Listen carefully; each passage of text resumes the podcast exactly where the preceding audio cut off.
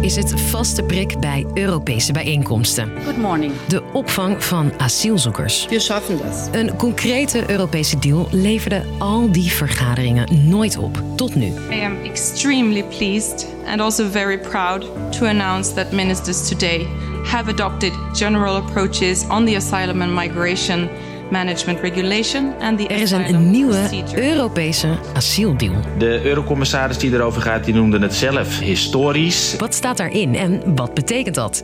Ik ben Sophie en ik praat je bij over deze nieuwe Europese doorbraak. Lang verhaal kort. Een podcast van NOS op 3 en 3FM. Even terug naar afgelopen zomer. In het aanmeldcentrum in Ter Apel ging het helemaal mis. Er hebben vannacht 700 mensen hier voor de deur van het opvangcentrum geslapen. Zonder matrassen, zonder dekens. En ook asielzoekerscentra zijn tot de nok toe gevuld. Ze slapen in stapelbedden, op veldbedden, maar ook op de grond. Nederland is niet het enige land dat worstelt met de opvang van asielzoekers. Deze vrouw bijvoorbeeld slaapt al weken noodgedwongen met haar kinderen in een tent in een Franse parkeergarage. En Italië riep in april zelfs de noodtoestand uit, omdat ook daar de opvangcentra overvol zitten en er elke dag nieuwe boten met vluchtelingen aanmeren.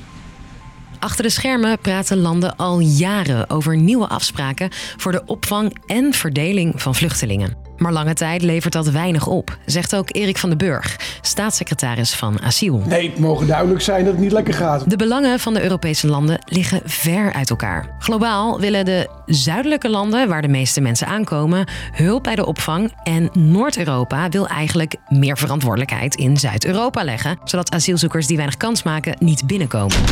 Ondertussen worden de problemen alleen maar groter.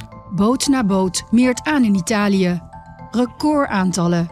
Soms arriveren wel 2000 migranten per dag. Dus kwamen 27 Europese ministers deze week bij elkaar om afspraken te maken. En dit keer met succes. Het is een doorbraak in Brussel vanavond. De EU-landen zijn het na jaren gesteggel eens over het opvangen, terugsturen en verdelen van asielzoekers. Een nieuwe asieldeal dus. Maar wat betekent dat? De belangrijkste punten zijn is dat we goede afspraken hebben gemaakt. Dat zei staatssecretaris Van den Burg over de deal. Die goede afspraken gaan grofweg over twee dingen, vertelt EU-correspondent Ardi Stemerding. Ja, aan de ene kant de procedure aan de grens en aan de andere kant het verdelen van vluchtelingen. Ja, eerst even die eerste, de procedure aan de grens. Die richt zich vooral op mensen die weinig kans maken om asiel te krijgen. Bijvoorbeeld omdat ze uit een veilig land komen. Die mensen worden dan aan de grens vastgezet in speciale centra en krijgen daar een versnelde procedure.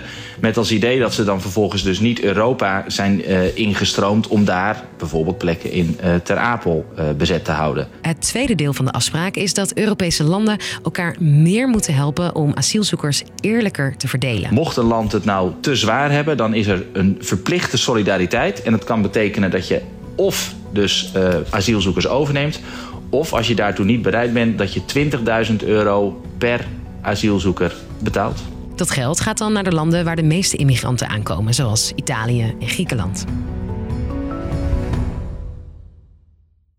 Klinkt allemaal als een plan, maar er is ook kritiek.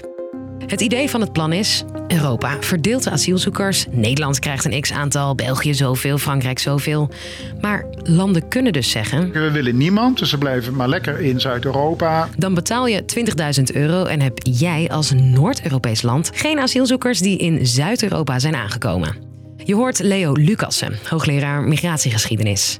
Volgens hem staat die afspraak haaks op het Europese vluchtelingenverdrag.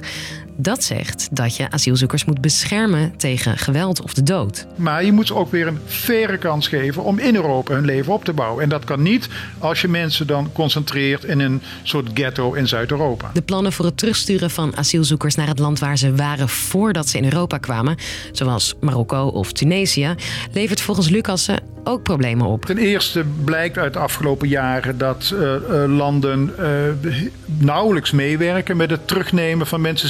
Als niet duidelijk is dat het hun eigen staatsburgers zijn. Wat er weer voor zorgt dat mensen langer in detentiecentra blijven zitten. Het Europees Parlement moet trouwens nog wel akkoord gaan met deze deal. Dus voor dit plan echt wordt uitgevoerd, kan nog even duren.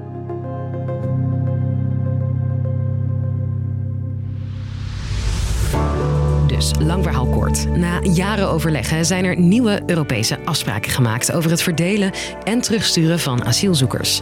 Er komt een strengere selectie bij de Europese grenzen en landen kunnen straks kiezen of asielzoekers overnemen uit aankomstlanden of geld betalen.